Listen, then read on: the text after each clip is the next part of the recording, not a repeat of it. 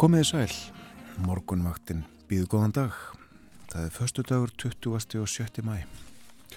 Klukkunum vantar nýju mínutur í sjö og hér sittja Björn Þóru Þórun Elisabeth um sjónamenn hafa komið sér makinnilega fyrir sætum sínum með eh, heitt kaffi í bólum og kallt vatn í könnum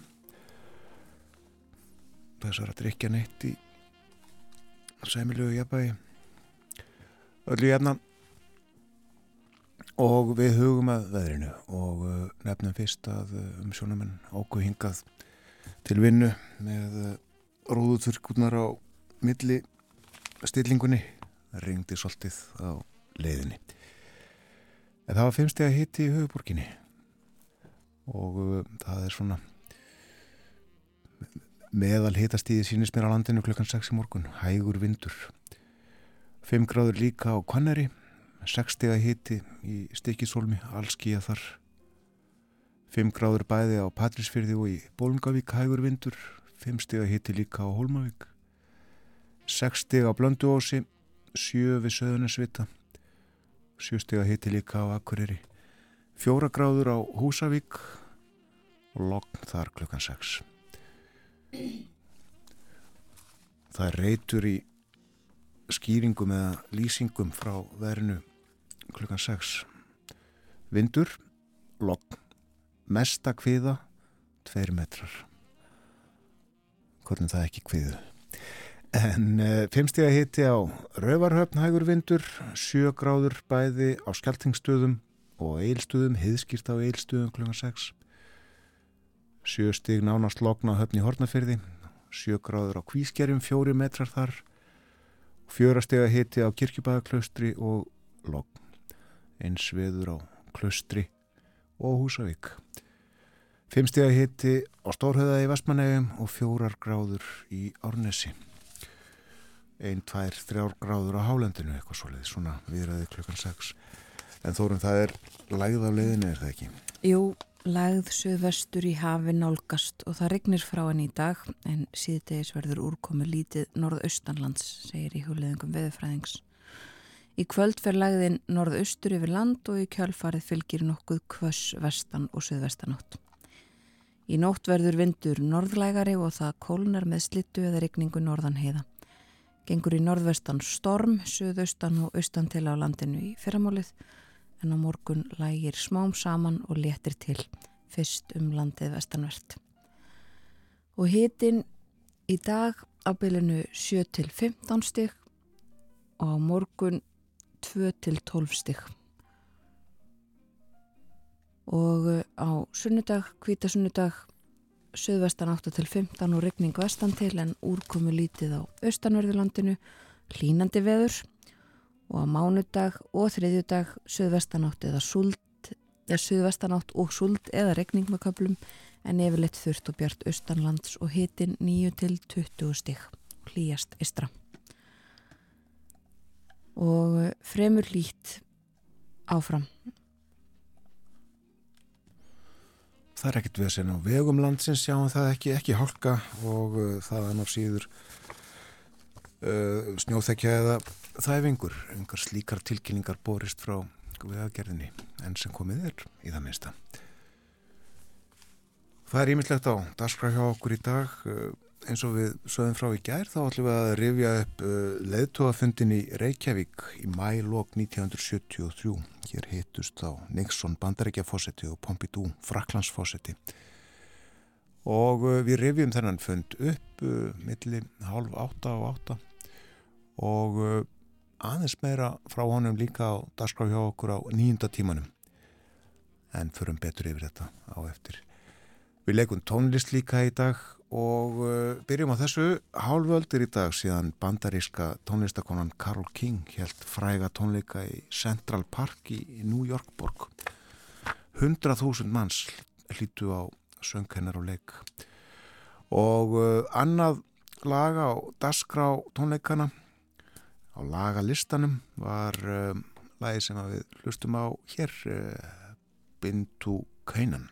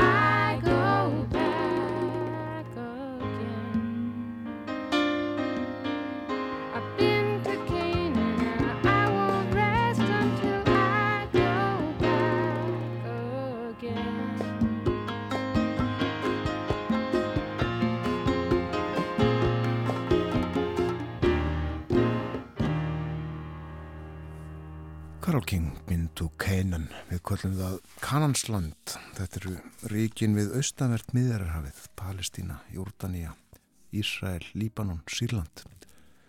Frettinnar eru framöndan hjá okkur hér á morgunvaktinni.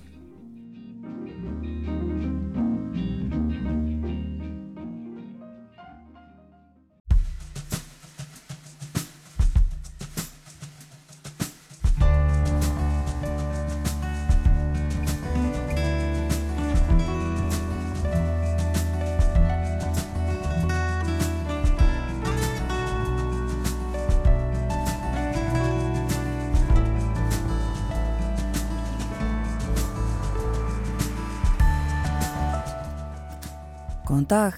Morgunvaktin helsar förstu daginn 20. og 7. mæ. Umsjónumenn þáttarins í dag eru Björn Þór Sigbjörnsson og Þórun Elisabeth Bóadóttir.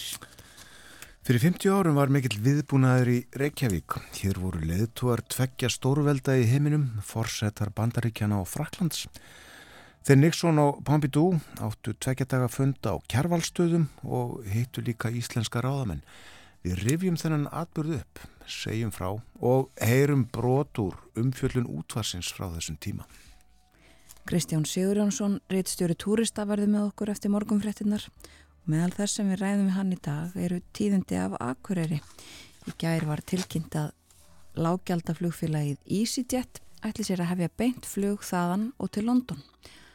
Og sömu leiðis var svo tilkynnt um áform Æslandir af svipuðum meði. Og svo förum við út að borða í huganum í takt við fjölgun erlendra ferðamanna á Íslandi, fjölgun landsmanna og breyta lífsætti hefur veitingahúsum fjölgað mjög í landinu. Veitingaþjónustæðir orðin stór atvinnugrein. En hvað ætli veitingahúsin séu mörg? Við spyrjum meðal annars að því þegar við ræðum við framkvæmda stjóra samtaka fyrirtækja á veitingamarkaði. Um það byrj svona verður morgunvaktin þennan daginn Þennan förstu daginn, já, uh, síðasti dagur vinnuvíkunar helgi framöndan og á leðinni. Já, vaksandi sunnan átt í kortunum í dag. Lagið sem er suðvestur í hafi, hún nálgast. Það regnir frá henni í dag og uh, í kvöld fyrir lagðin svo norðaustur yfir landið. Og í kjálfarið fylgir nokkuð kvöss vestan og suðvestan átt. Vaksandi sunnanátt í dag sem sagt 8 til 15 metrar síðdegis og morgun þá verða 10 til 18 metrar en 15 til 25 söðaustan og austan til á landinu. Og hitin í dag 7 til 15 stig á morgun svolítið kaldara 2 til 12 stig mildast á söðausturlandi. Ekkert ofbúðslega skemmtilegt veður en Það lægir smám saman á morgun og léttir til fyrst um landið vestanvert. Á sunnudag verður úrkomi lítið á austanverðu landinu línandi veður en svolítið rók og regning vestan til. Og á mánudag og þriðudag þá geti hitin farið upp í 20 stig á austurlandi, norð-austurlandi. Þetta lítur alltaf að fara að koma, fremur lít allavega í næstu viku, segir í spáni. Og enga tilkynningar frá viðagerðinni þannan morgunin virðist ekkert vesen vera á vegunum. En uh, ánægileg frett frá viðagerðinni í gær uh, þegar uh, satt var frá því að Suðlandsvegur var tekinni gagnið formlega milli hveragerðis og selfoss og þarna var mikið húlum hæ klift á borðaði þetta uh, það er alltaf gert þegar uh, vegir eru opnaðir eftir lagfæringar eða, eða þá að, nýjir meir hafi verið lagðir. Fyrst þarf auðvitað að taka líka skóplustungur með formulegum hætti. Og uh, skærin sem sé dregin fram í gær og uh, þá voru ráð þeirra samgöngumála og fórstjóru vegagerðarina sem að kliftu þarna borðan Já. en uh, það segir í frétt frá vegagerðinni að framkvæmdinn hafi verið mjög aðkallandi uh, umfyrin hefur aukist þarna jæmt og þétt. Árið 2000 þá var það sem kallað er árdagsumferð uh, réttæflega 5.000 bílar á solaring og uh, 12 ánum síðar var fjöldin komin í 6.500 bíla. En þá tók þetta allt saman kipp og 2019 uh, voru bílarnir sem að fóru um þennan vegakabla uh, orðnir uh, fleiri en 10.000, 10.300 og aðkallandi sem sé að gera þarna úrbætur og það hefur verið gert og ég skal bara segja það alveg eins og er að ég laka til að fara á akaðan þennan nýjan og sjá þetta mannvirki Já. Aðrir vegir og, framkvæmdur tafist við, það var í fréttunum í gær, það tekist að malbygga þarna en uh, malbygguna framkvæmdir annars í uppnámi á söðvestur hodninu vegna regningarinnar og þessa vonda veðurs. Og tala við yfir verkstjóra hjá Kólas Ísland sem að segir að ég, það verði líklega að vinna allan sólarringin til að vinna upp tafinnar. Hans menn eru sem sagt að leggja malbygga á Reykjanesbrutinni. Já. Nú en uh, þarna næri, uh, næri þessum nýja kabla á Suðurlandsvegi sem sé er uh, unnið hörðum höndum að öðru verkefni merkilegu. Uh, það er verið að leggja sviflínu í kömpunum og má sjá menna störfum hér á mynd á fórsíðu Morgunblæðsins.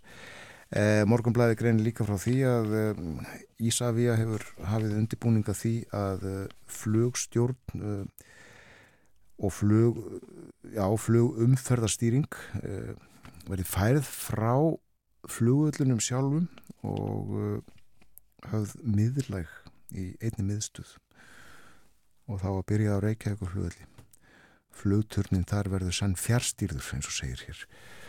Nú, uh, svo er það efnaðasmálinn og uh, fjármál heimilana en heimilin hafa dreigið úr nýri lántöku hjá böngunum hvort heldur sem litið er til fastegnalána eða bílalána og lántaka heimila hefur dreigið saman í hverju mánuði frá upphafi árs.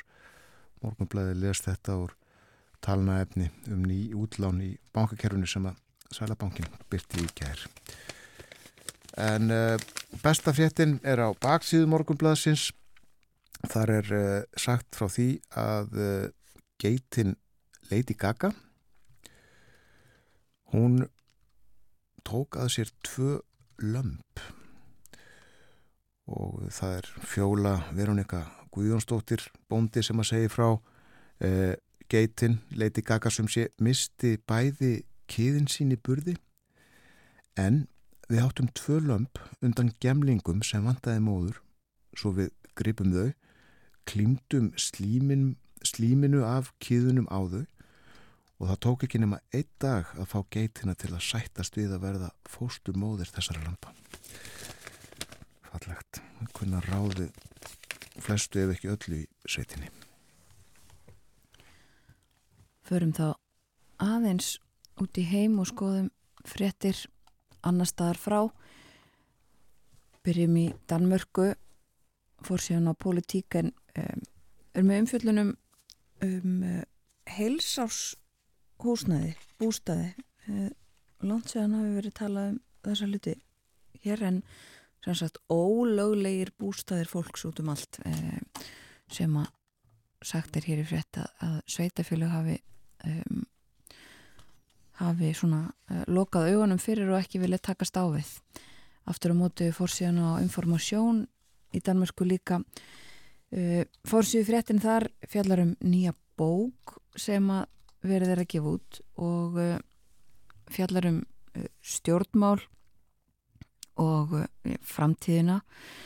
Um, og þetta er uh, hún heitir Eftir festen, eftir veisluna og, og uh, þar er eru farið rauk fyrir því að það þurfi að breyta stjórnmálum, það þurfi að hætta að um, hætta að stunda stjórnmál sem að byggja á, eins og ég segir hér í fyrirsögninni, blekkingunni um, um eilífan vöxt. Sé ekki hægt að uh, tala um sjálfbæra framtíð og sjálfbæra samfélag og, og uh, eilífan vöxt hagvöxt stækkandi hagkerfi. Og uh, þetta sem sagt uh, fórsýðu efni þarna það þurfi að banna auglýsingar í ofnböru rými hlutinir sem eru keftir það þarf að vera hægt að gera við þá í mörg ár við þurfum að vinna minna nota minna endur nýta meira og uh, svo þurfum við fleiri almenningsgarða þar sem að hægt er að rækta eigið græmmiti þetta er fyrsta málgrunin í þessari uh, þessari frétt á fórsíðun og informasjón og uh, fleiri erlendar fréttir um, innflytjandamál til umfyllunar í sænskum fjölmjölum í dag. Um, það sé ekki hægt að vísa úr landi dæmdum ræningja sem að sé um, hafi sem sagt verið dæmdur og, og búsettur í Svíþjóð uh, og ekki sé hægt að vísa honum úr landi þrátt fyrir að hann uh, sé ekki frá Svíþjóð. Þetta er eiliðar um, umræðu efni svona mál og innflytjandamálin líka uh, víða á forsýðum í Englandi. Ennsku blöðin uh, það komu tölur um uh, stöðu þeirra mála í Breitlandi, þetta er eitthvað sem að stjórnvöld í London hafa sagst vilja ná tökum á og, og ætli að minka innflutning fólks flutning fólks til Breitlands en uh, og það meðal annars var svona atriði í Brexit öllu saman að, brettar fengju stjórn á sínum landamærum. En uh, það fluttu 606.000 fleiri til uh, landsins í fyrra heldur en fóru. Og uh, fyrsta sinn þá er útlitt fyrir að Bretland eða sagt, fjöldi íbúi í Bretlandi gæti orðið meiri en í Fraklandi það er þið þá í fyrsta sinn sem að sem að svo er þið sagt í á fórsíðinu á æblaðinu að þetta sé fyrst og fremst uh, drefið áfram af stúdendum og fjölskyldum þeirra fólki sem hafi flúið Úkrænu og Hongkong og uh, vel mentuðum eða uh, hæfum starfsmönnum frá sagt, löndum utan Evrópusambansins og talaði hagfræðing sem segir, jú aukin mannfjöldi er vandamál en ekki ja, mikið vandamál og mingandi mannfjöldi. Að, fólksfækkun er stærra vandamál heldur en fólksfjölgun. Mjög misjamt sagt, hvernig bresku blöðin taka á þessu. Og uh, svo lókum þá eru ímis ymsi fjölmilar með umfjallanir um kostningarnar í Tyrklandi á sunnudag, setni umferð fórsetakostningarna. Þar uh, spár gera ráð fyrir því að Erdogan fórseti uh, fái annað kjörðsmabil, hann hafi betur í þessum kostningum og því veld upp hvað fimm ári viðbót af honum myndu hafa í för með sér. Segjum þetta gott af tíðendum utanur heimi, komum til Íslands og draugum fram almanak þjóðvinafélagsins frá 1905. Tryggvi Gunnarsson var uh, forseti þjóðunafélagsins um þetta leiti á bankastjóri og alþykismæður og Tryggvi var mikill dýravinnur og uh, skrifaði hann rít stýrði sem sagt almanakinu og skrifaði uh, pistil um dýr eða kvartningu til fólks um að hugsa vel um dýrin. Hann uh, stopnaði svo setna dýravendunarfélag Íslands var uh, formaður þess lengi.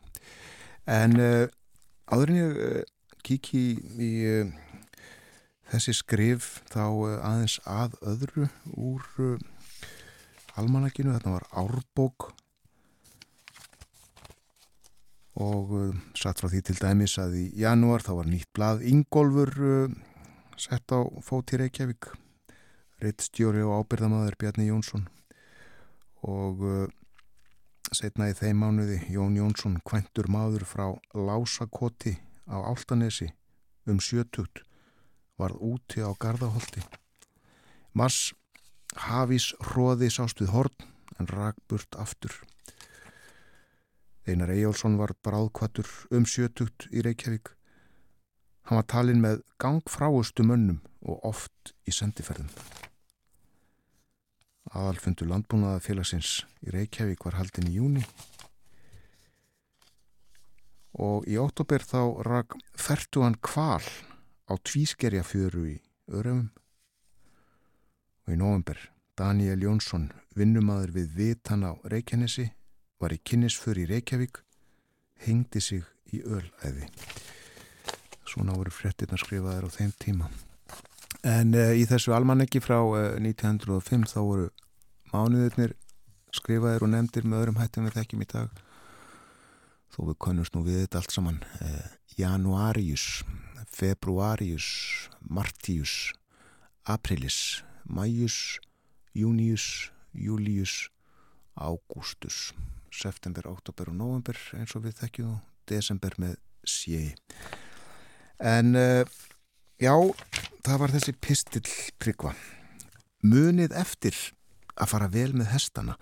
Leggið ekki of þungar byrðir á þá og hlýfið fjörhestinum látið hestana ekki ganga berfætta þegar þeir eru að bera bakkana fyrir yður eða yður sjálfa Látið hestana ekki ganga á gattinum langt fram á vetur án húsaskjóls. Hætti þeim ljóta vana að berja fótastokk og nýta hestum í taklið, allra síst nautum. Venjið hestana á að gangast fyrir góðu fremur en illu. Sundlegið ekki hesta í vetrarfrosti þegar hjá því verður komist. Seljið ekki gamla hesta sem lengi hafa þjónaðiður Gleimið ekki langri og trúri þjónustu. Þegar þeir eru orðir gamlir þurfa þeir hjúkrunar og vagrar meðferðar. Horfið ekki aðgjörðalösir á að druknir menn eða illmenni bergi hesta sína eða brúki þá halda eða mitta. Minnist þér þess hver hesturinn er auðsveipur, hlýðin og kröfuleus og ómissandi þegar þeir ferðast á landi eða þurfið að flytja eitthvað til heimilisins að ná skilið að fá fyrir þetta vinsamlega meðferð og aðra borgun en gattin og rakning millir ókunnugra á elli árum. Fóðrið kýrnar vel svo þær hafi nægilegt fóður fram með sitt eigið líffóður og getið launað fóðrið með mjölk, hafið fjósin rúmgóð og björt, básana sletta og kýrnar hreinar, mjölkið eftir reglum í almanakinu. Sveltið ekki söðfjöð og fyrir hvert mun forðist hórdauða hann er kvalafullur skeppnum, átum einn fyrir efnahag manna og mingun fyrir þjóðina. Látið söðkindurnar ekki liggja lengi og skjálfa við hústyrnar í hríð og vetrarfrosti. Látið fjármannin fylgja fjennu þegar hagskart er. Síð ekki hundum grimdarlega á fjeð. Klippið vel fyllt fjö og rífið ekki öllina af því. Gjöruð skeppnum sem láta lífið fyrir yður dauðan sem kvala minnstan. Virðið eigi lítils tryggð hundsins, reyðið hann yfir ár og ekki að grjót, látið hann ekki vera svangan, gætið að bænar augum hans þegar hann hungraður sér mat, berjið hann ekki, minnist sorgarsvips og óþreyju þegar hann finnur ekki eiganda sinn og fær ekki að fylgja honum. Engin skeppna er jafn trygg húsbóndar sínum sem hundurinn. Berið móð út fyrir snjótillingana í vetrarharðindum. Þeir launaða með söng á sömrin hættið að taka egg frá smáfuglum. Skiljiði minnstakosti aldrei færri en tvö egg eftir í hriðri farfuglarnir koma til landsins til að syngja fyrir oss og verpa fyrir þig þegar öll eggin eru tekin eða ungarnir drefnir hafa þeir aðeins sorg af sinni lönguferð drepið aldrei móður frá ósjálfbjörga ungum. Hlífið skóarleifunum allstaðar, nóg er aðgjört. Fyrir áhugalesi og græðki feðrana er landið víðast nakið. Allir verða að hjálpa til að klæða landið aftur.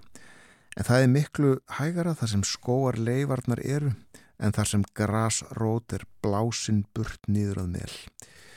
Fáið trjáplöntur frá gróðrastöðinu og plantið þær í skjóli við bæina að því er príði og skemmtun og opnar augum manna svo þeir sjá að við eigum og getum byrjað að klæða landið.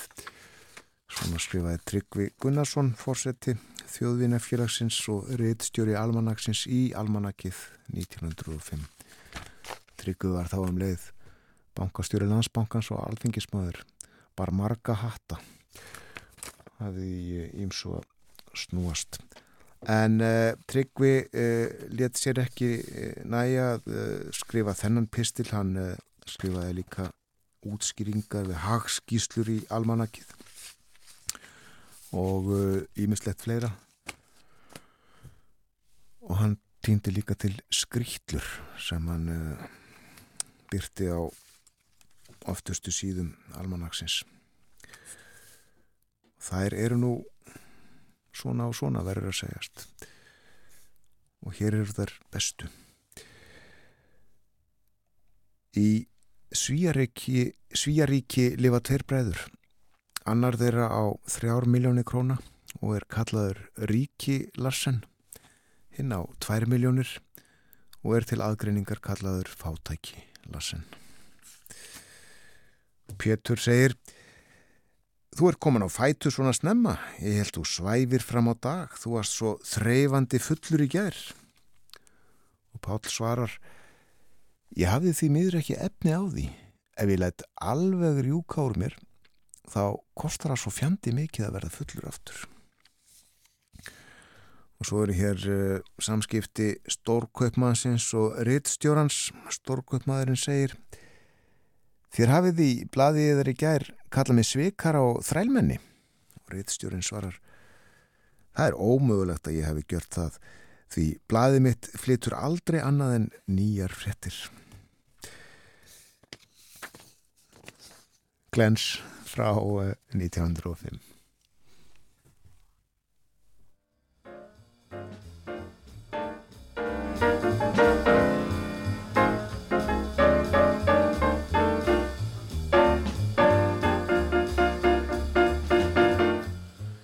Frettaefletið framöndan hjá okkur hér á morgunvaktinni kemur eftir 5 minútur við heyrum fyrstu auglýsingar.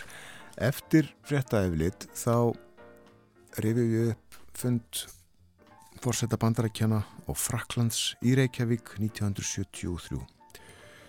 Og uh, aftur gerum við það á nýjunda tímanum með öðrum hætti þó meira um það á eftir.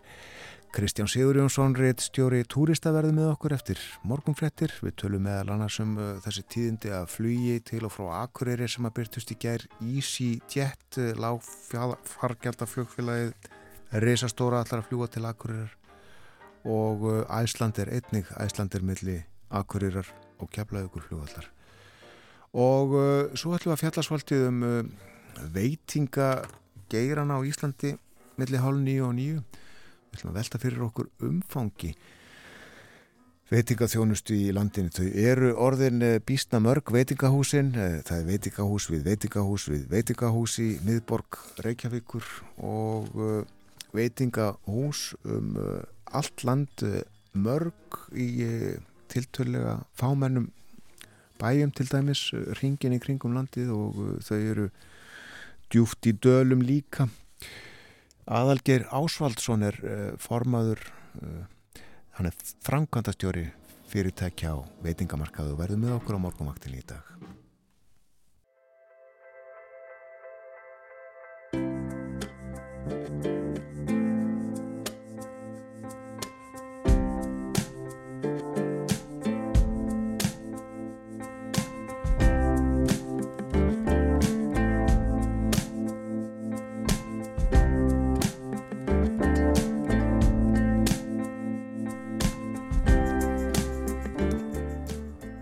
Nýð þegar það hlusta á morgumvaktin á rás 1 það er förstu dagur klukkan réttlilega hálf átta.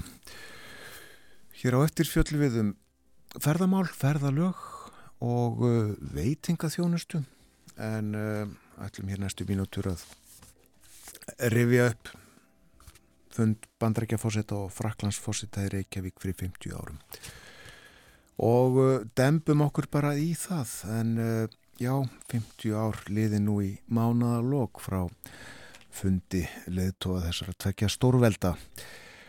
Það var tilkynnt í fjölmjölum í byrjun mæ 1973 að tæpum fjórum vikum síðar myndu þeir uh, George Pompidou og Richard Nixon hittast á Íslandi.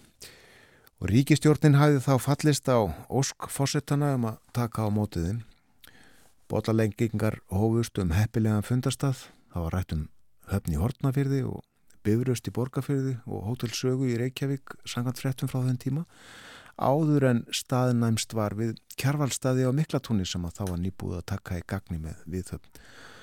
Þeir þóttu heppilegir ekki síst þar sem aðstæður til örgiskeslu þóttu góðar. En þá voru þarna í mæ 1973 2,5 ár síðan fórsetarnir hittust síðast og þá var fundastæðurinn hinnar portugalsku Azor-eyjar í Allandshafi og enn töldu þeir rétt að hittast á hlutlösu svæði í Allandshafi en færuðu sér núna talsvert í norður og til Íslands. Og fórsetarnir höfðu margt að ræða, öryggis og varnamáli í Evrópu voru helsta mál á dagskrá en frakkar óttuðust að bandaríkjaman ætluði að draga úr herabla sínum í álfunni. Nýr Allandshafs sáttmáli var á borðinu. Það voru hugmyndi bandrækjumanna um skipan öryggismála. Efnahagsmál og gjaldriskipti þurfti líka að ræða en frakkar töldu gildandi fyrirkomulag að var óhagstætt fyrir frakka sem að skipta þurftu fröngum í dali og fjármálar á þeirrar ríkjana voru í sendinemdum fósettana. Og ástandið almennt í heiminu var líka á daskra og þá ekki síst staðamála í Vietnam og Kambodíu. En það þurfti að grípa til margvíslegra ráðstafana hér á landi svo fundurinn geti farið fram. Fjarskipta tengingar landsins bæði í austur og vestur voru eldar svo erlendir bladamenn getu komið tíðindum af fundinum í fjölmila sína. Bladamanna miðstöðum var komið upp með símklefum og telegstækjum og þá þurftu þetta að skipleggja öryggiskeslu og fjölga í lauruglu liðinu eins og hægt var og uh, minni ég þá á að uh, hér í gær þá uh, leikum við lýsingu Árna Gunnarssonar fréttamanns á því þegar fósettarnir flugvilar þeirra lendu á keflaðugur flugvelli öryggiskeslan þar mikil og bílinn sem að flutti bandarækja fósetta frá keflaðugur flugvelli til Reykjavíkur sér innfluttur til þess og uh, þeir aldrei ekki einir á ferð, það voru um 400 bladamenn sem komu með þeim. Og uh, enn fleiri sem komu til landsins til þess að segja frá fundinum. Þetta var auðvitað heims viðburður og uh, þótt Ísland hefði ekki oft í sögunni verið vettvangur alþjóðlegra stór viðburða þá vildi nú þannig til að tæpu ári fyrr hafði einmitt stór viðburður farið hér fram. Heimsmeistra einvið í skák einvið í aldarinnar einvið í Fissers og Spaskis það fór fram sumarið áður. Það hafði því skapast hér nokkur reynsla í umsjón og skipulagningu og móttöku fjölda fólks og þá ekki síst erlendra bladamanna og það er líka uh, nokkuð aðtiklisvert að fá einum vikum fyrir fundin á kjærvalstuðum þá kom Kurt Waldheim aðaldri þar í saminuðu þjóðana í Sólarhings heimsók til Íslands. Hann heimsótti öll Norðurlöndin í mæmánuði þetta ár 1973 en uh, á þessum tíma þá áttu Íslendingar og brettar í hörðum deilum um fiskveiðar og fiskveiði lögsögu annað þorskastriði stóð. Klippurnar voru komna til sögunar og ástandi var býstna viðkvæmt. Og uh, þau mál báru íslenski ráðamenn upp við Waldheim aðalritara og svo Nixon og Pompidou. Já, fórsetarnir rættu við uh, fórseta Íslands, Kristján Eldjón Ólaf Jóhannesson fórsættirsáþra og Einar Ágússon utarrikissáþra gerðu það í stjórnarháshúsinu og uh, á dagskrá uh, bæði íslensk málefni og þá sérstaklega uh, fiskveði deilan og það var líka rætt um heimsbálinn og þetta var gert sem sagt áður en stórvelda leðtóðarnir hófu sína fundi á kjærvalstuðum. En í tengslu við komu fórsetana þá flutti í útvarpið Gunnar Eithórsson frettamæður uh, pistil um þá og uh, við skulum hlusta á hann hér er Gunnar Eithórsson frettamæður.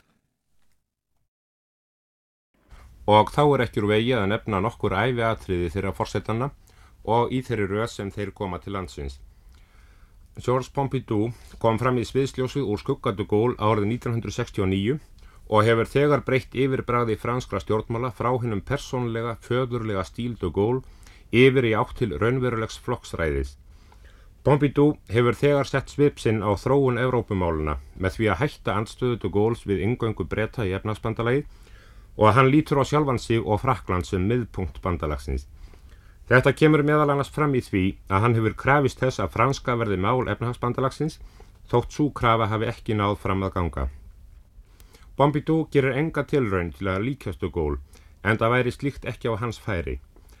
Hann er fættur árið 1911 í smábænum Montboutif í Suðurfraklandi. Nafn hans Pompidou útlegst vindálfur á þeirri mállísku sem þar eru töluð. Hann var undrabarn að lærdómskáfum, var fluglæst þryggjára og var dugs í öllum skólum sem hann gekk í. Þar á meðal hinnum fræga skóla École Normale Supérieure sem brauðskráir helstu mentamenn og fræðimenn Fraklands. Fadir hans var spænskukennari og Pompidou hafði þegar í æsku í hyggju að fjeta í fótspor hans sem kennari. Hann vann við kennslu í Marseille frá 1933, kendi bókmentir og gaf síðan út úrval franskra ljóða. Sagt er að Pompidou kunni að minnst að kosti 10.000 ljóðlínur utan bókar.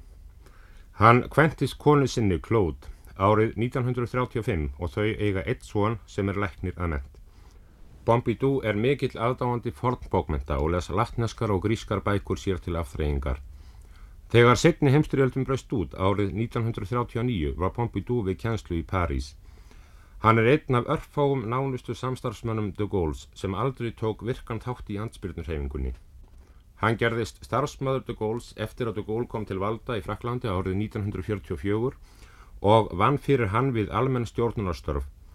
Þegar de Gaulle sagði af sér árið 1946 fór Pompidou fyrst yfir í franska ferðamálaráðið en gerðist síðan bankastóri Rothschilds bankans í París þar sem hann starfaði til ársins 1962 þegar de Gaulle gerði hann að forsætisráð þeirra öllum á óvart. Pompidou hafði haft samband við Gaullista alla þann tíma sem hann var í bankanum en hann naut svo mikils álits vegna gafna sinna og mentunar að þótt hann hefði enga reynslu í stjórnmálum valdi de Gaulle hann sem næstráðanda sinn og að því er virtust um tíma sem eftirmann sinn í forsætastól.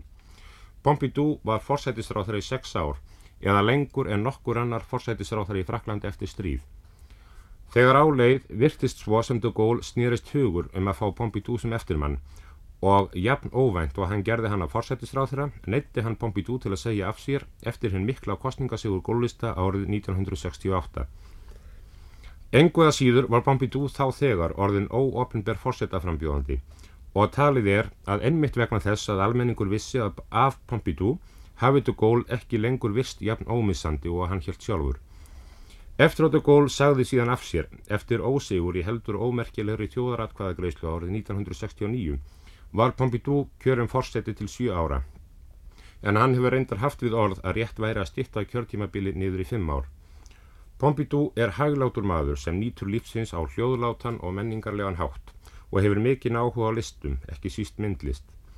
De Gaulle hefur sjálfur list honum á þessa leið.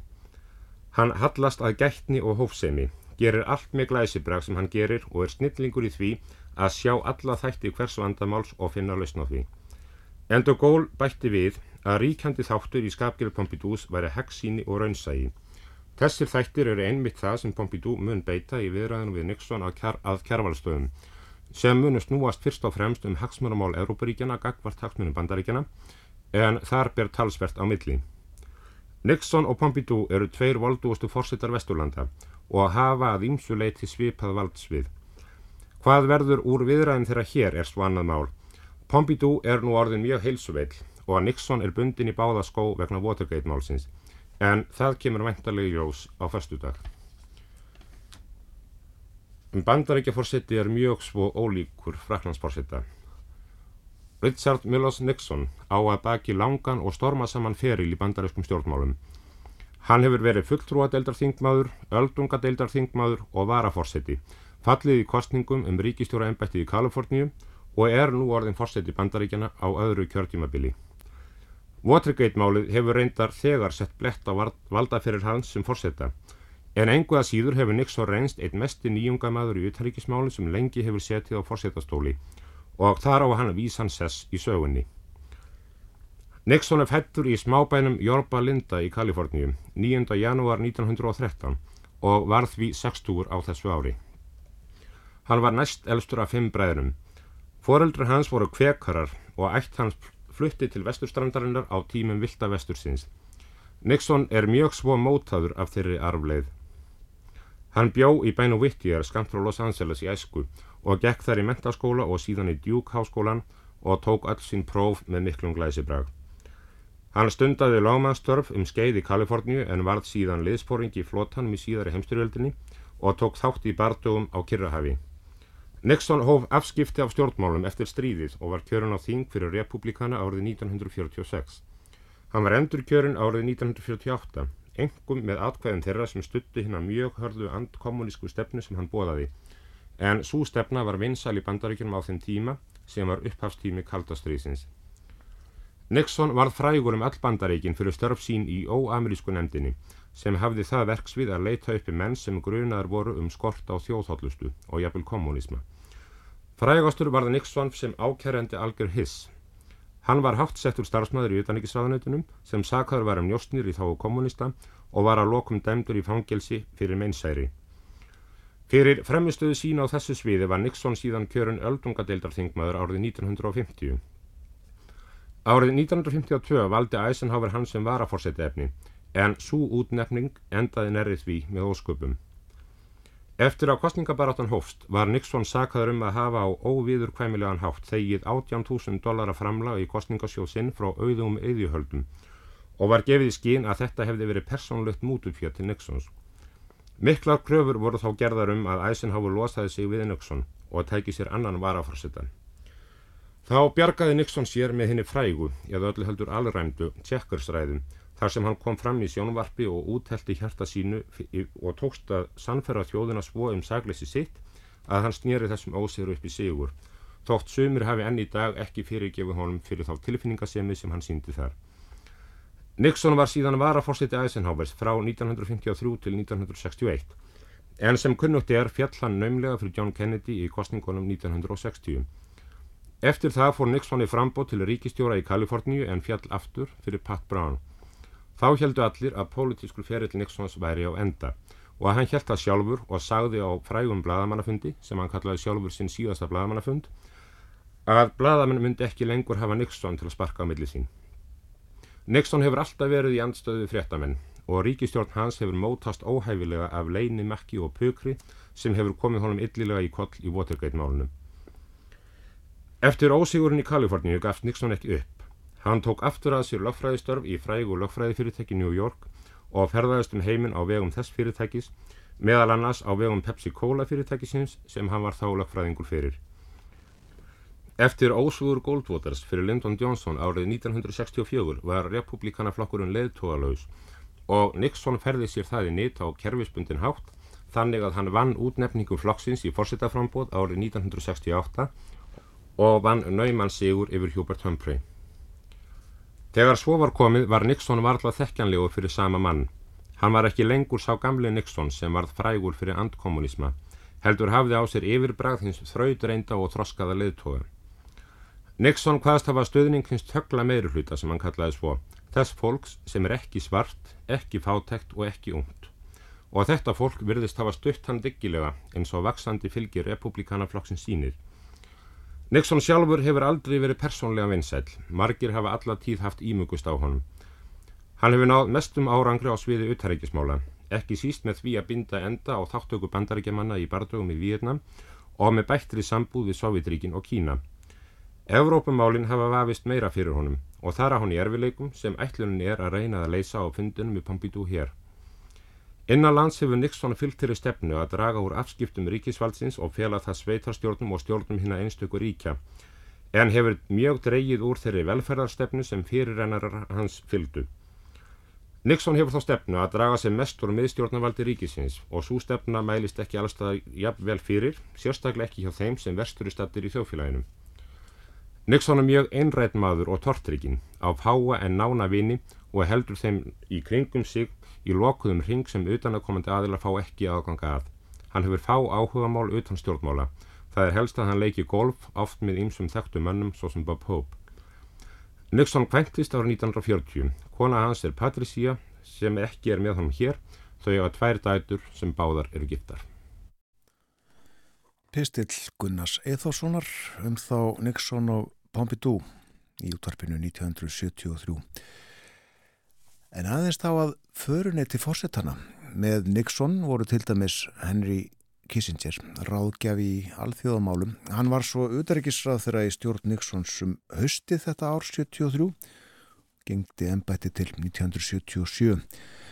George Shultz var fjármálar á þeirra en uh, hann var svo utaríkisráð þeirra bandaríkjana, var það í fósetta Reykjans og Alexander Haig var þarna líka uh, hann er kunnulegur hann var starfsmannastjóri kvítahúsins þarna í mæ 1973 það er ígildi embættis ráðunitistjóra en Haig var svo yfirmaður herabla allarsafsbandalagsins og en síðar utaríkisráð þeirra bandaríkjana um skeið.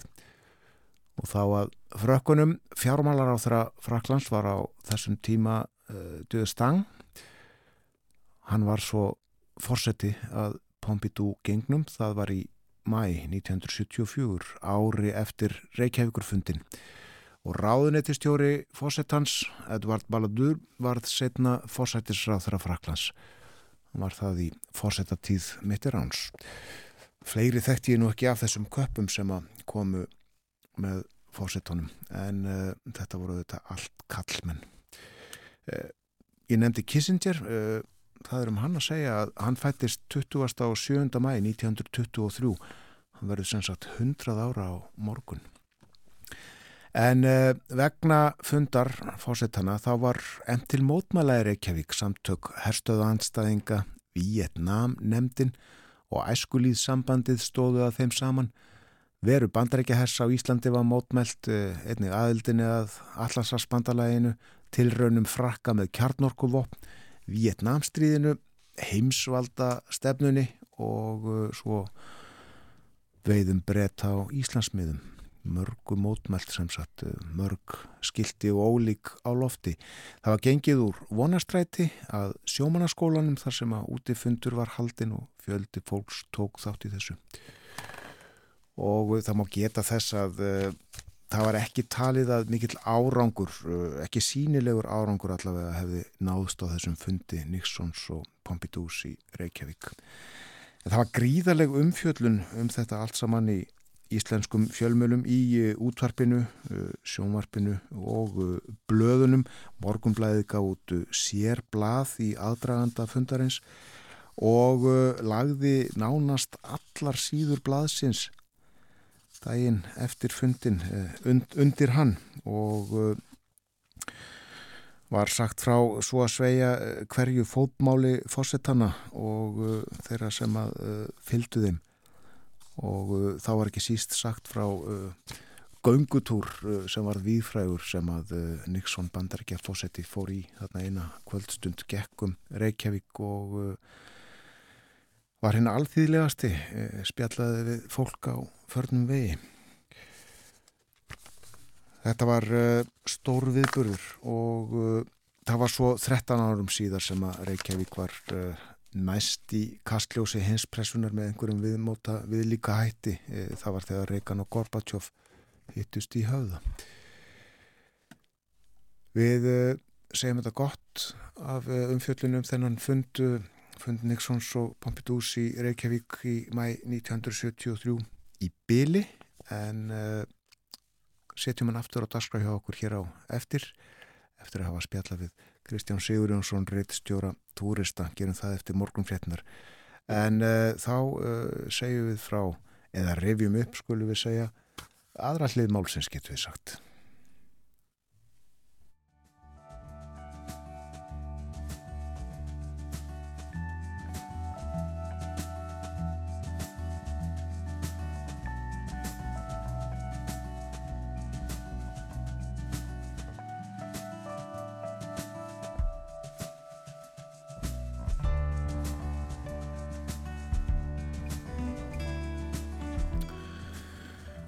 Áhugaverð þessi skýsla sem að KPMG vann fyrir uh, ráþæra félags og heilbriðismála og kynnt var í gær og uh, kom í ljós og var staðfest getur við sagt.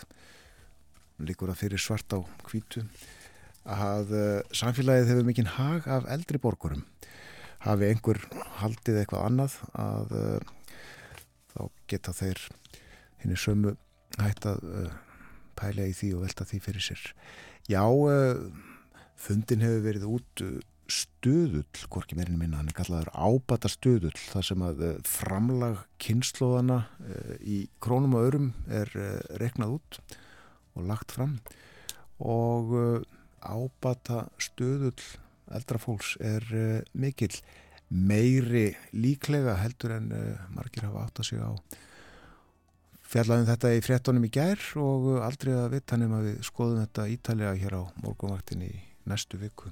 Þetta er mjög áhugavert uh, margar upplýsingar sem að þarna koma fram sem að uh, áhugavert er að rýna í.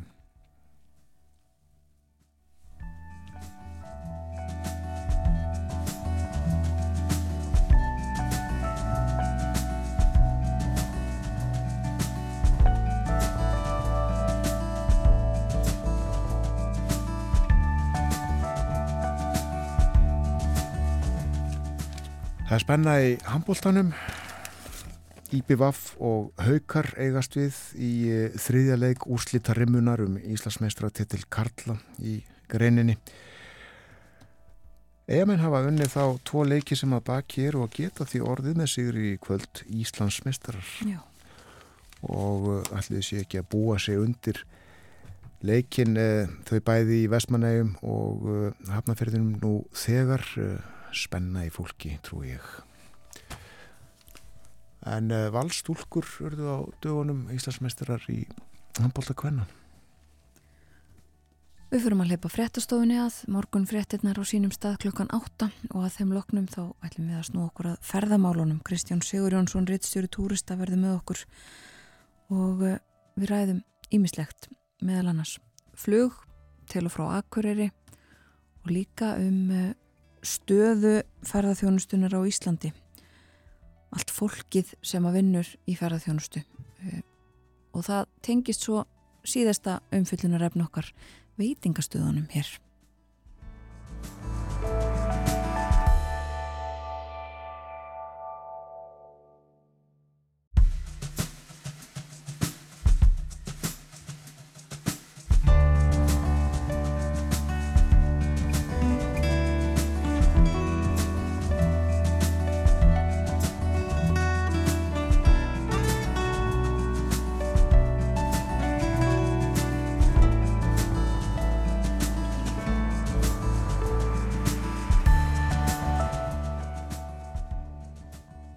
Sælaftur þeirra hlust á morgunvaktina á rás 1.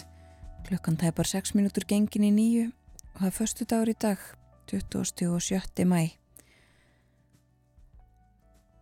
Í gær bárust fregnir af því að EasyJet lágjaldaflugfélagið ætlaði sér að eh, hefja flug flýgur til Keflavíkur og frá en eh, nú á að vika þetta út og fara að fljúa frá Akureyri og eh, við ætlum að ræða það. Þetta er fyrsta mál á dagskrá í ferðarspjalli okkar á línunni er Kristján Sigur Jónsson, reittstjóri túrista. Góðan dag Kristján. Góðan dag.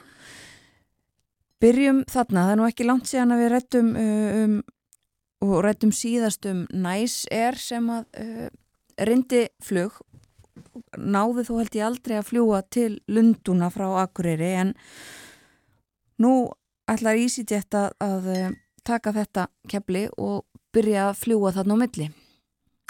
Já, þetta er mjög áhugavert því að EasyJet var nú með þetta svona í sikti í eitthvað tíma og, var jafnvel að spája að hefja þessu útgerð síðastliðin vetur en, en núna komið þá skilabúðin og félagið byrjaði að selja sagt, þessa flugmiða í, í ferðir tværi viku frá Gatvík flugulli í London til Akureyrar og, og byrja núna í lok óttobér og, og þá halda þessu úti fram í lok mass sem þá hefst sem sagt svona sumar áhullunin í fluggeiranum formlega og þá nýtir EasyJet nú þóttunum sínar í að fljúa suðrabóin Já. en yfir vetuna þá er mitt svona tækifæri í svona nýjungum á norðurslóðir og, og hérna þetta er mjög áhugavert því að sko breyta sækja náttúrulega mjög í vetraferði til Íslands en, en þannig var það í raun ekki áður en að EasyJet hófa að fljúa til Keflækufljúallar árið 2012.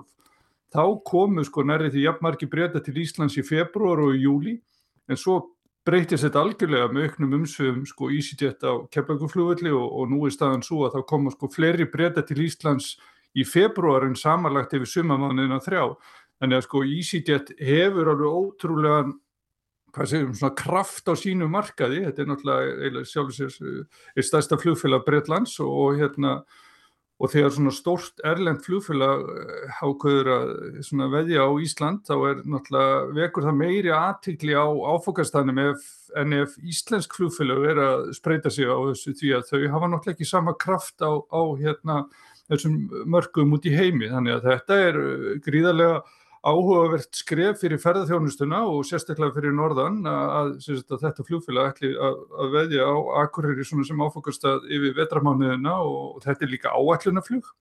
Lengi hefur þess, hafa þessar ferðir til Akureyrar frá Evrópu takmarkast við leiguflug, það er svona ferðaskristofur er að selja þessar ferðir svona sem pakkaferðir en, en nú er að koma leiguflug og, og þetta nýtist náttúrulega íbúin fyrir norðan líka því að það er sérstaklega EasyJet að fara að fljúa til Gatvík flúvallar sem er eiginlega heppilegra en ef útgerðin hefði verið frá Luton flúvalli því að frá Gatvík er svo hægt að fljúa já, um alla Evrópu og, og til Austur, Austurlanda fjær þess vegna þannig að, þetta er skapar í sjálfur sér já, gjörbreyttar aðstæður þannig að fyrir norðan bæði fyrir akureyringa og íbúa þar í kring og svo bara fyrir ferðarþjónustuna.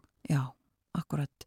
Mikil tíðindi og skapar svolítil umræða um þetta og Líka í gær var svo tilkynnt um flug Æslandir á milli Keflavíkur og Akureyrar, sem sagt auglist þannig að það sé hægt að fara beint út í heim en með viðkomi í Keflavík. Já og, og þetta var nokkuð svona áhugaverð tímasetning því að Æslandir hafði sér satt upphaflega ætlaði að taka upp þráðin þessu flugi sínu milli Akureyrar og Keflavíkuflugvallar núni í vor en, en slóð því að frest fram til vorsins 2024 og svo hafði ekki teist meira þeim áformum fyrir henni gæra að félagi allar sérst núna í hvað 6-7 vikur frá lokum oktober og, fram í november eða frá byrjunu oktober og út november ef ég mænda rétt að halda út í þessum ferðum. Frá Akureyri í morgun sárið þannig að fólk sérst kemst átt í keflækuflúallar fyrir brottfærinar til Evrópu þannig um hálf átta.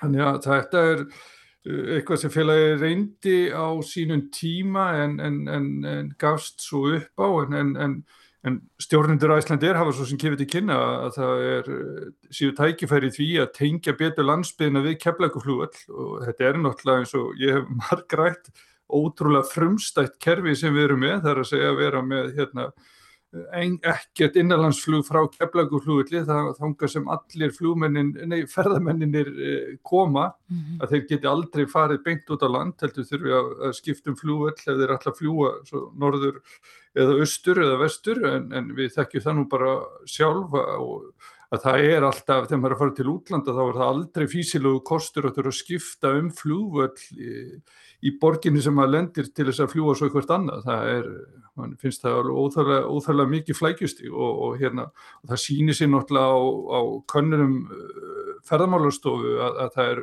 sára fáir útlendingar í raun og veru sem nýta sér innanlandsflýði, það samkvæmt síðustu könnun var þetta rétt um 2% þeirra útlendingar sem komið til Íslands uh, fara í innanlandsflýð sem er náttúrulega ótrúlega látt hlutfall meðan að 60-80% ferðamanna er, er að ferðast um á, á bílaljóðbílum, þannig að Það, þetta er líka uh, sjálfur sér bót bæði fyrir hérna, íslendinga og svo útlendinga, ferðamenn. Já, En sex vekna tímabili, það er nú ekki langur svona pröfutími. Nei og það er svolítið sérkennlegt í að Æsland er nú áhallina flugfélag og að, sé, að setja í sölu svona stutta séri eins og það kalla er, er svolítið skrítið og hérna eh, maður sem veldi fyrir sér hvort að það, þetta verði ekki reynd að framlengja þetta eða hvað veldi því að félagi allir bara að prófa þetta í sex ykkur því eins og þú segir þetta, þetta ne, tekur því alltaf að byrja sko. Já, akkurat.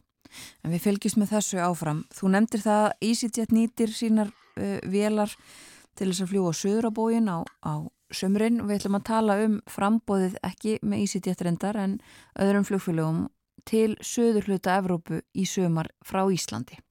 Já, það er töluvert og sennilega ekki áður verið jafn mikið, maður sér það bara sko, í, í fjöldaferða og líka áfókastöðum talið að, að frambúð er alveg ótrúlega mikið, nú í sumar verður til að mynda í fyrsta skipti hægt að fljúa reglulega til Porto í Portugal og til Aþenu í Greiklandi og, og síðan hefur ferðunum verið fjölga til Ítalíu og, og Suðlita Fraklands og Nýs og svo er náttúrulega alltaf mikið frambóð á, á ferðum til Spánar.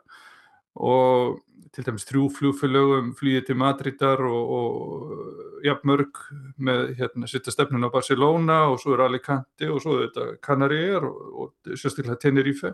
Þannig að frambóði á flýji sko til síðuleita álfunar er, er mjög mikið frá keflagur flugvelli en það er ekki bara íslettingar sem munir streyma að miðrahafinu í sumar því að svona samkvæmt fréttum sem berast þaðan þá er sagt, bara uppgangur í ferðarþjónustunum og bókunarstaðan góð í löndónu við miðarhafið og, og, og þetta eru náttúrulega flest allt lönd sem trista mjög á ferðarþjónustu í, í sínu þjóðabúskap þannig að þetta er, er svona til marksum að þrátt fyrir að vextir séu að hækka og, og verðhækkanir séu almennar í, í Evrópu að þá seti fólk en þá ferðarlög í forgang og, og vilji komast í, í sólina, það er að segja íbúar í norðurhluta Evrópu ætla að streyma áttina miðarahafrinu meðan við sjáum það náttúrulega tölum til dæmis á talningu ferðamann á Íslandi að, að ferðamenn frá Suðurluta Evrópu, Ítalíu, Fraklandi og Spáni þeir eru flestir á Íslandi í ágúst, þar fólkið þar flýr hitan hinga til, til Íslands meðan að Íslandíkar streym út í, í, í hitan við miðrahauð. Emmitt. Og eigum við þá Kristján aðeins að ræða um uh, tölur um þá sem að vinna í ferðarþjónustunni hér á Íslandi?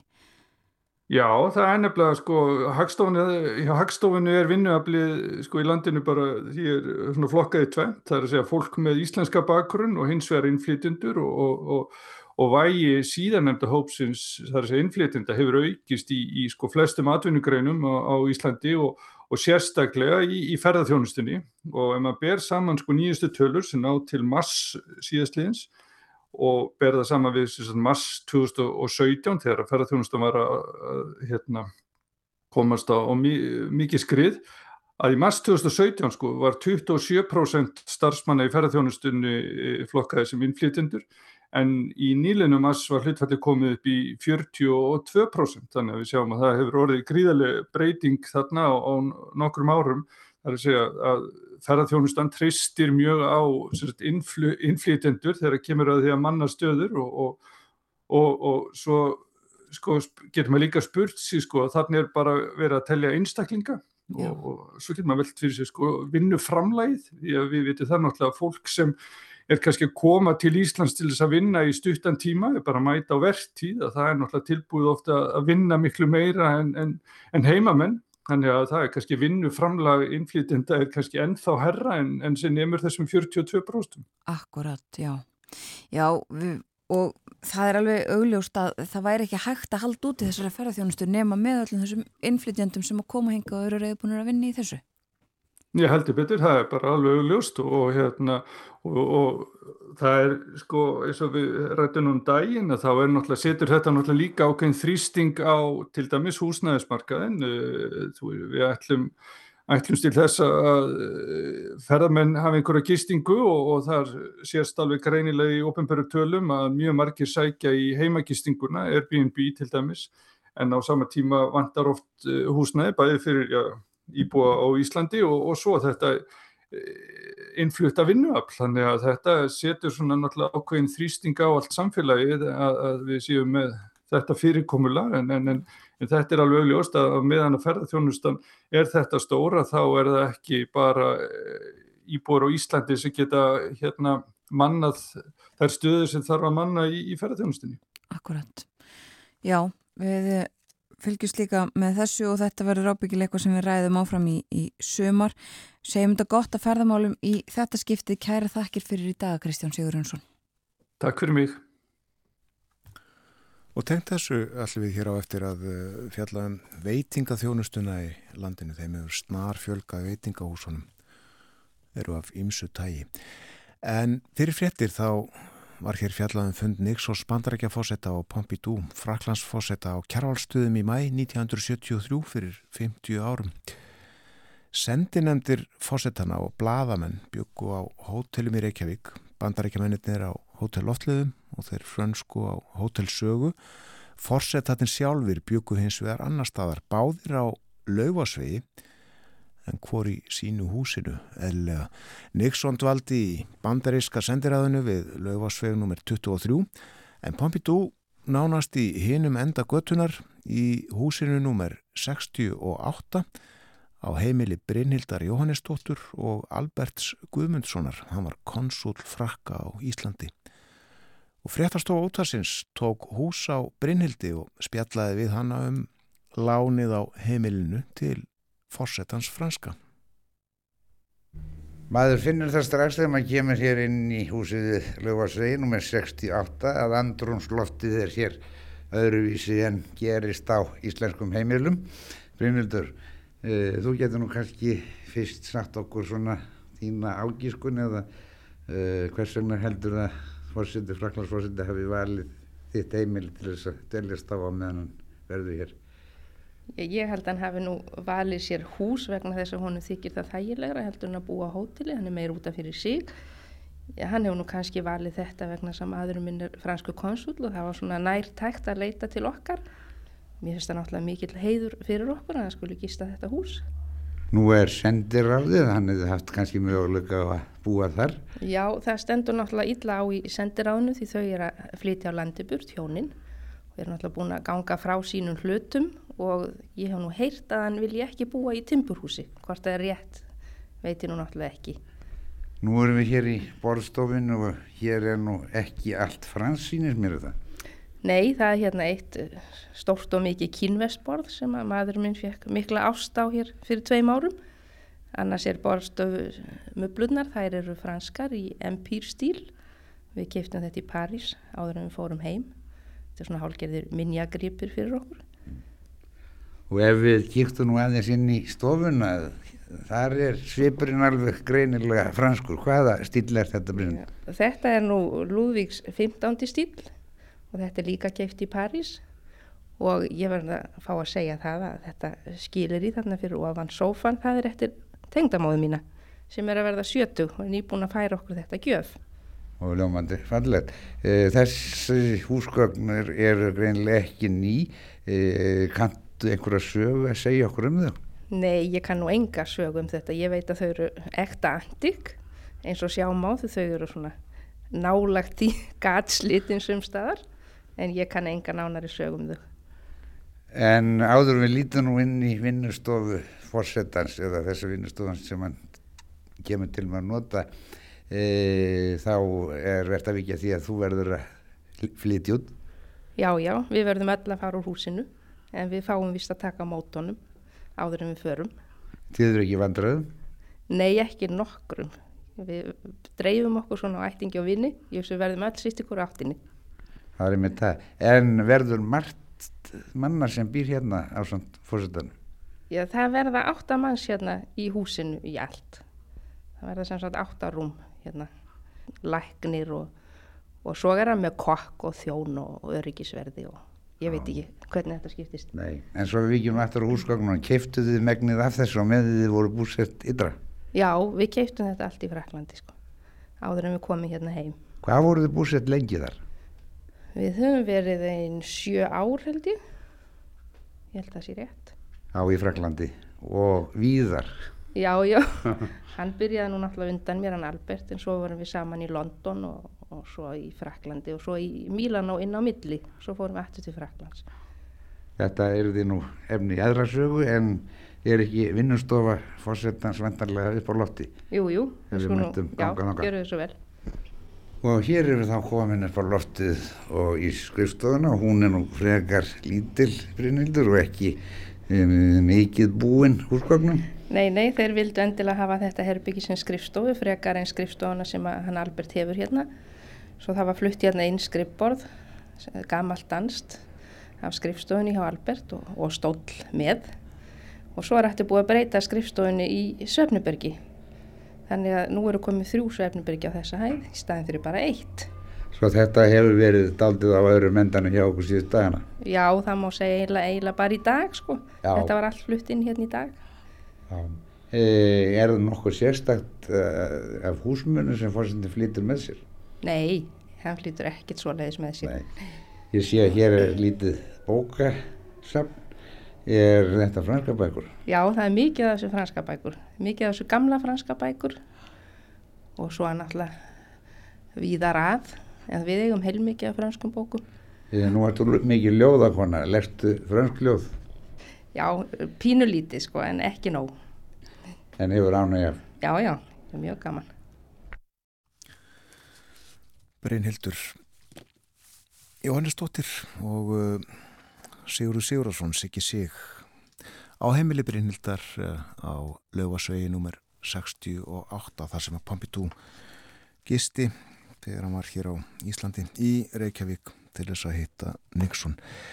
Albert Guðmundsson eiginmaður Brynhildar hann var já eins og framkom konsúl frakka á þessum tíma, hann var þá heildsali og hann var líka borgarfull trúi í borgarstjórn Reykjavíkur og formaður knaspinnusambandsins fór svo á þing árinu síðar 1974 satt lengi á þingi og var ráð þeirra 1983 til 1985 en eins og þarna kom fram þá byggu þau einn sjö ár líklega í Fraklandi bæði í París og Nýs. Og segjum við þá um fjöllun um fund þeirra Pompidous og Nixons í Reykjavík fyrir 50 árum lokið.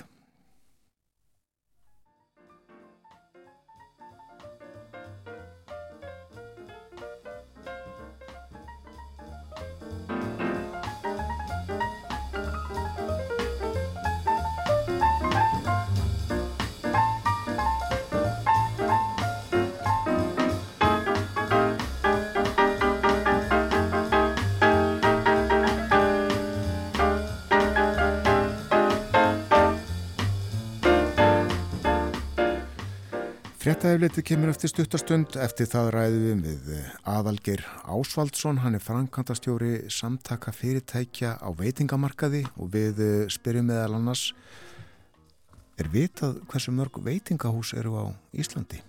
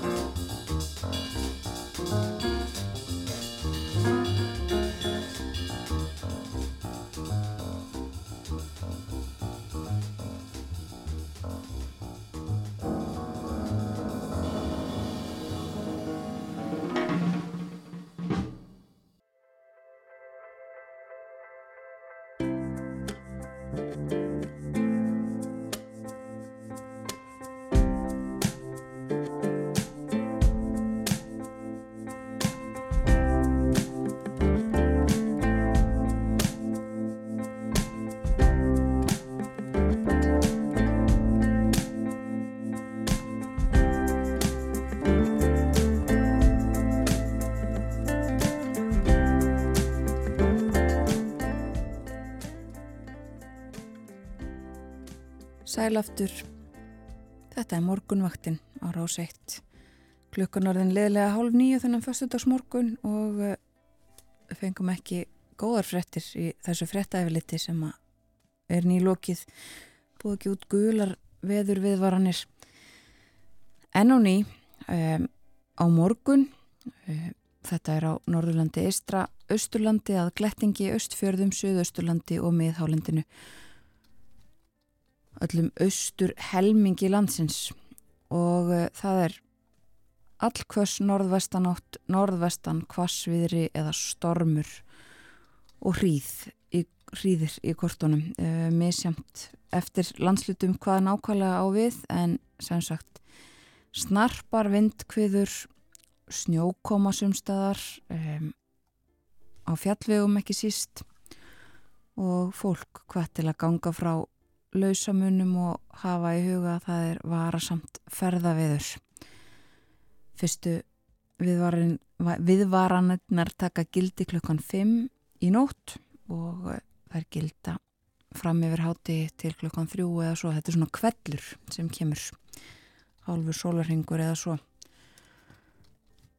Bóðar ekki ekki gott, þetta er uh, kannski venjulega svo litil ferðahelgi, kvítasunu helgin laung helgi framöndan. Já, akkurat. Segjum þetta gott að þessu í byli eh, tökum hlið frá verðin í bara öskamma stund. Eh, við ætlum að tala um veitingastæðina þeim hefur fjölgað, snar fjölgað hér á landi á síðustu árum. Flestir veitingastæðin eru líklega í miðborg Reykjavíkur, laupa þar á fleiri tugum, eh, kannski þessu yfir hundrað ef allt er talið veitingarnir í bóði þær eru af ymsu tægi dýrindis veslumatur, skyndibiti og allt þar á milli og svo auðvitað bjór, vín, te og kaffi og aðri drikkir og sömu sögu er að segja af öllu landinu. Veitingastæðir hafa sprottið upp í bæjum og þorpum og líka út í sveitunum. Og okkur datt í hugað kannakvort umfang veitingaþjónustu í landinu sé þekkt, likur til dæmis fyrir hver margir veitingastæðinir eru og hver margir starfa á veitingastöðum og jáfnveil hver margt fólk getur borðað samtímis á veitingastöðum landsins. Við spyrjum aðalgeir Ásvaldsson, hann er framkvæmtastjóri samtaka fyrirtækja á veitingamarkaði.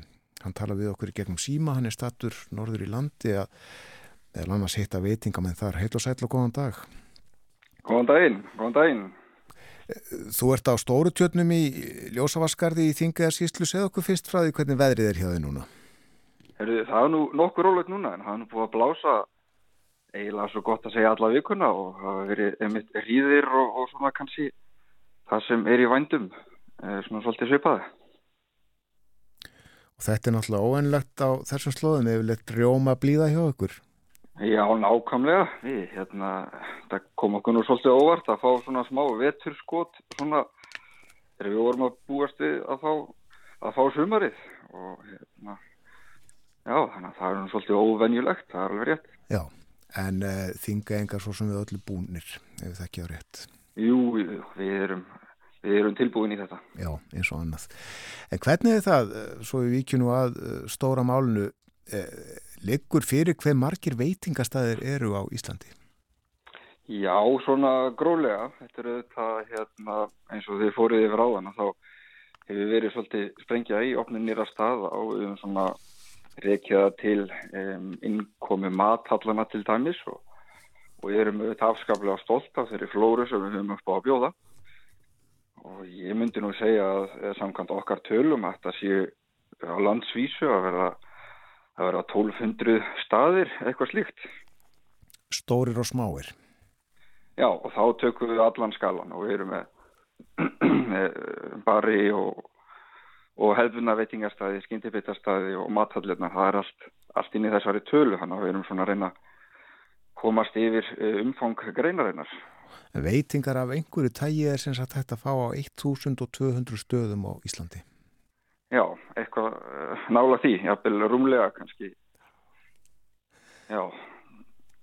En hefur þá einhverja hugmyndum uh, hversu margt fólk vinnur á öllum þessum stöðum? Hversu, hversu margt fólk uh, vinnur í veitingageiranum? Já, við erum auðvitað svolítið svona árstíðabundin eins og, hérna, og ferðarþjónustan. Þannig að það kemur svolítið skot í þetta á sumrin. En við höfum verið að taka saman eh, sko, eh, og haldið utan um þessa tölur alveg frá 2019. Þess að samtökinn sveit hafa verið haldið utan um það og þetta eru í kringum eh, 12.000 til 12.500 störf. Það er þetta ágóðu fjöldi. Já, það er bara hérna, eins og við segjum, bara samræmið við fjöldan og, og við uh, það mikla frambóð sem við hérna bjóðum upp á. Við erum auðvitað framtagsum og, og hérna sem bara þjóð og flóran er eftir því. Já, og unni á vöktum auðvitað á morgum stöðum. Já, já, já, mest megnis er náttúrulega unni á vöktum, það er náttúrulega eðli málsið samkvæmt að, að veit ekki að þjónustan fyrir svona mest megnis fram eftir svona hefðbundin vinnutíma og um helgar, þetta er hádegin líka stórir hérna þættir fyrir uh, marga, marga veitingastæðu og vel flesta en, en við höfum tekið saman auðvitað vinnustundirna líka og það ætla að sé ekki uppundir 70% uh, af unnum stundum eru utan þessar dagvinnu. Þannig að já, það er þarf að vera á vöxtum við það. Já, akkurat. Og uh, enna tölum hefur hugmyndum hversu mörg borðið eru allir þessum stöðum, uh, hversu margt fólk uh, getur borðað samtímis á veitingastöðum á landinu?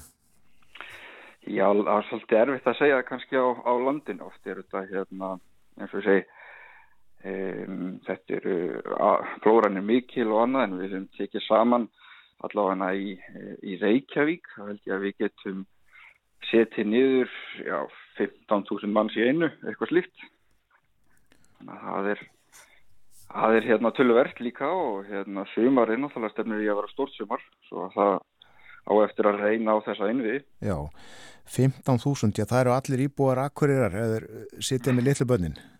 Akkurat, það passar, eða svo leiðis ég held að akkurir hafa nú stækkar svolítið stóri, ég held að það sé kannski nær 20, ja, ja. 20 akkurir er. Við getum leikið okkur með þetta, við reknum með því að litlu bönni séu mörg. Já, ég samt ekki það. Gott, en já það hefur mikið gerst í þessu og breyst bara á uh, síðustu 5-7 árum eitthvað svo lesið ekki?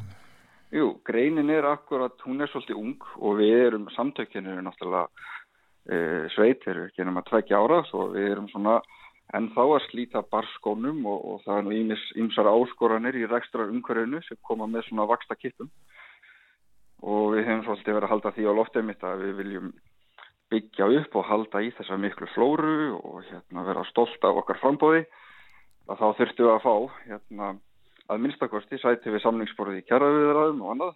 Það er eins og við segi, vaksta kipirnir kalla á kalla á hérna svona kannski umhverfi eins og við sjáum hjá uh, Norðurlöndunum til dæmis þar sem að greinin er er svolítið eldri og menn hafa svona búið sér betur fyrir og og gert það verkum að, að um, e, svona hún getur þróast og haldist svolítið stöðug. Já, býtuð þú nefnir þessi kjaramáli á uh, þið semjið ekki við stjættafjöluðinu? Nei, því miður og við höfum reynd að komast að borðinu alveg síðastliðin tvö ár og hérna, höldum áfram að gera það. Er það þá samtök atvinnlífsins sem að semja fyrir ykkur höndi eða hvernig virkar þetta eiginlega?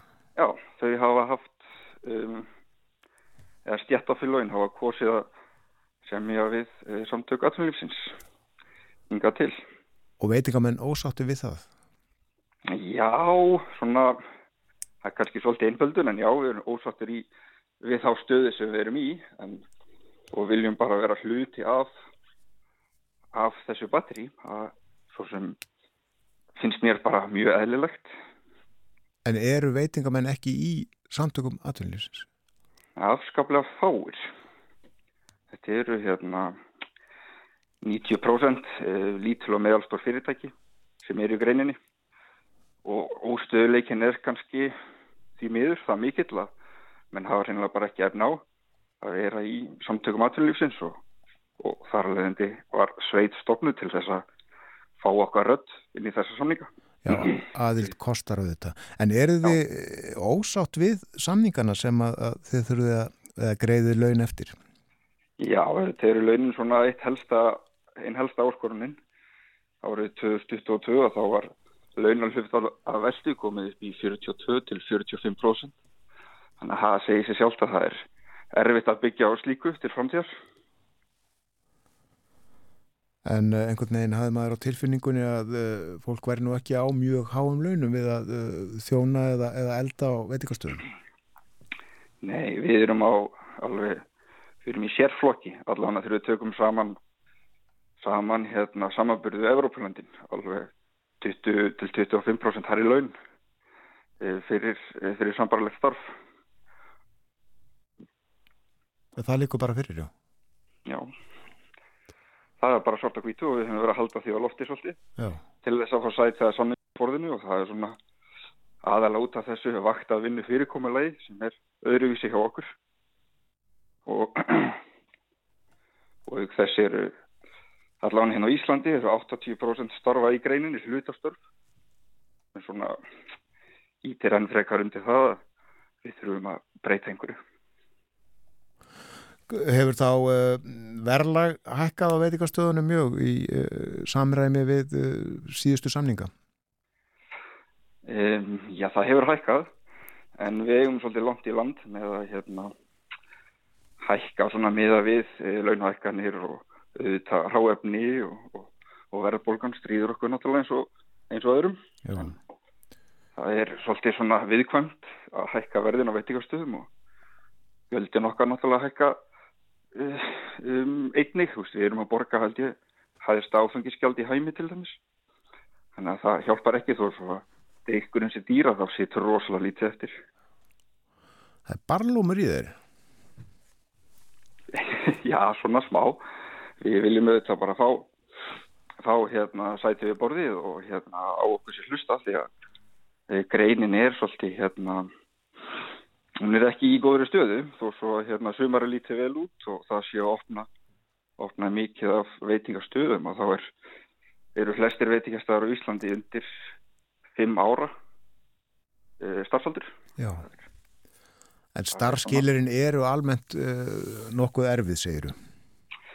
Já, ég myndi segja það heilt yfir að, að við, svona, við þurfum öðruvísi ekstra grundvöld til að geta byggt upp e, fleiri heilsástörf og, og fengið smá stöðuleika í þessa grein. Sko. Já.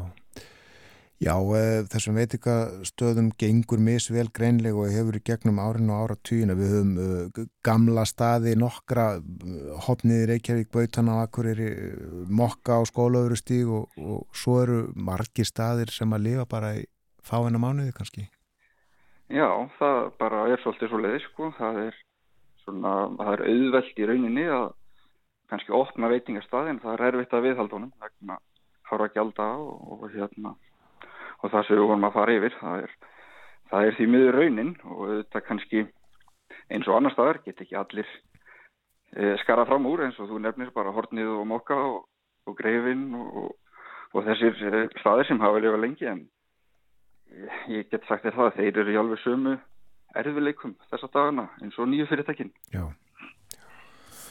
Uh, Þetta eru alls konar staðir og uh, tiltölulega nýlegt að við uh, fáum til dæmis að hér séu sko uh, margir staðir sem að bjóða upp á mat sem að ekki hafi sérst hér á borðum áður frá fjarlægum heimsortnum. Hvernig gengur veitingamannum að fá ráefni til þess að framreiða alla þessa rétti sem að, já, mörgum finnast framandi? Já, það er vonu að spyrjir, það er eins og segja, það er mikil flóra og við erum stolt að henni en það hérna, hefur nú bara gengið vel að við halda, við halda fersku ráefni og öðru við ætla að vera á þessari eigu hérna, að það þarf að flytja svolítið inn en við erum náttúrulega líka með hérna, sterkar heimahaga Og hvernig heldur að þessi grein muni þróast á næstunni?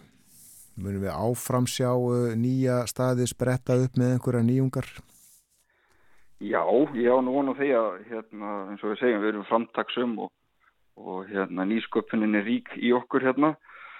Um, en ég verður nú eiginlega bara að viðkjöna það ég er ekkert sérstaklega bjartinn að sjáum endilega um, greinina vaksa uh, á komandi árum og það, það kannski er út af þessu sem við höfum verið að fara yfir með rekstra umhverfið að það er sínlega um, að afkoman er sennilega bara neikvað þar sem við sjáum af ári 2023 og það er svona eins og ég segja það er spenna fyrir humrunu og það verður mikið að gera, mun reyna á einviðana en ég er ansið hættur um að hérna, framtíðin sé ekkert ofbjörnt ef áframhöldur sem horfir. Er út fyrir að uh, staðið fari í þrótt uh, þrátt fyrir að júni, júli, ágúst og kannski september verið góðir? Já, ég ætla að leiða mig bara að segja það það hefur svona eins og við höfum verið að sjá að verðbólgan er auðvitað terfið og, og hérna það hefur svolítið verið neyslu drifin hagvöxtur undanfarið. Uh, ferðmenninir og, og stort sumar vissulega hjálpar til en það þarf um, það er meira til heldur um gott sumar til að fá stuðuleika í greinina það er alveg það sé alveg það sem við erum að horfa fram í. Já, Já eh, ekki ógótt í þeir hljóðið. Eh, segð okkur, eh, sko nú ferðamönnum hér fjölga mikið og þeir þurfa auðvitað að borða, búa flestir á hótelum og þurfa að fara á veitingastað til að fá, fá eitthvað í svangin, svo höfum við líka Airbnb íbúðuna það sem eru eldhús og fólk getur eldað. En hefur ekki orðið svo breyting líka að Íslandingar fara nú orðið miklu meira út að borða heldur en það gerðu? Mm, jú, ég, hérna, það er alveg rétt. Við förum uh, svona kynnslóðin sem er kannski uh, í farabróti núna eða svona aðeins öðruvísi sín á veitingarstaði og svona þá menningu sem fylgir. Að hérna, það er alveg rétt að við Eh, sérstaklega kannski eftir COVID líka svona kannski jákvæð sem þetta er að draga úr því að, að landin kynntist þessu fína frambóði og þessu hérna þessum góðu stöðum sem við erum að opna og, og bjóða fram á að það hefur sittið eftir líka og auðvitað svona myndi segja hátteginn hvað staðist og, og helgarnar auðvitað líka hjá Íslandíkonum en, en það er svona eh, hefur við haldið þessu góða gengi á, á þessum svona off-season eins og við segjum fyrir ferðarþjónustuna sem við erum náttúrulega svolítið háð. Akkurat. Þú uh, fyrir norðan eins og framkom, uh, hvernig er hljóðið veitingamönnum á Norðurlandi? Eh, það er sæmilegt. Við erum með félagsfund í dag þar sem við ætlum bara að fara yfir stöðuna og hérna, ræða framhaldi. Hvernig svona reynslan er til dæmis af skamtíma samning og kjara samning og öðru. Það, hérna, það er nú yfirlegt gott hljóðið veitingamönnum en það eru við svona jákvæðir aðeinsfari og, og gerstgjafar náttúrulega þannig að við þurfum að erum jákvæð en við þurfum líka hérna, horfa svolítið fram í, fram í tíman og, og reyna að stuðla stöðuleika fyrir þessi 12.000 störf og þessa 1200-1300 veitingarstaði þannig að það má ekki bara svo sem láta það brotna niður því að þetta er ung grein og við þurfum að halda við lutunum þetta. Þannig að við viljum okkar að búa til uh, fleiri störf. Það er erfitt í þessu fyrirkomli Já, allar út á borðið dag? Alveg bátitt Hvert heldur þú, hvað heldur þú borðir? Ég hugsa ég skellum mér á röp 23 á Akureyri, fyrst ég er nú að fara hérna fara í fundin þar Á Akureyri, já síðan, Já, og síðan hugsa ég skellum mér nú líka til Húsavíkur um helgina kíkja á jafnvel gamla baug eða sölgu Þetta hljómar allt saman vel. Það gerir það. Þakka að kella fyrir spjallið aðalger. Við uh, vonum að þetta fara allt saman vel. Já, bara takk sumulegis. Njóttu dagsins. Sumulegis. Aðalger Ásvaldsson, hann er framkvæmtastjóri samtaka fyrirtækja á veitingamarkaði Sveit. Já, um, 1200 staðir, stórir og smáir veitingastæðir á Íslandi og á þeim vinna 12.000 manns fleiri stöðu gildin 12.000 eitthvað svolítið og uh, veitikahús í Reykjavík uh, geta þjónað um 20, 15 árs manns í einu. Já, það er tölverið fjöldi. En þessu er lókið hjá okkur í dag og þessa vikuna raunar. Já, komin förstu dagur. Komin förstu dagur, laung helgi framöndan. Morgumöktin verður á sínum stað á þriðjudagsmorgun í næstu viku og þá verður komin 30. mæ, mæ alveg að renna sitt skeið og vonandi sumar viður í kortunum þá. Við þakkum samfélgina þessa vikuna, njótiði dagsins, lungu helgarinnar. Við ljúkum þessu á lægi. Þetta er George Harrison og I Got My Mind Set On You. Verðið sæl.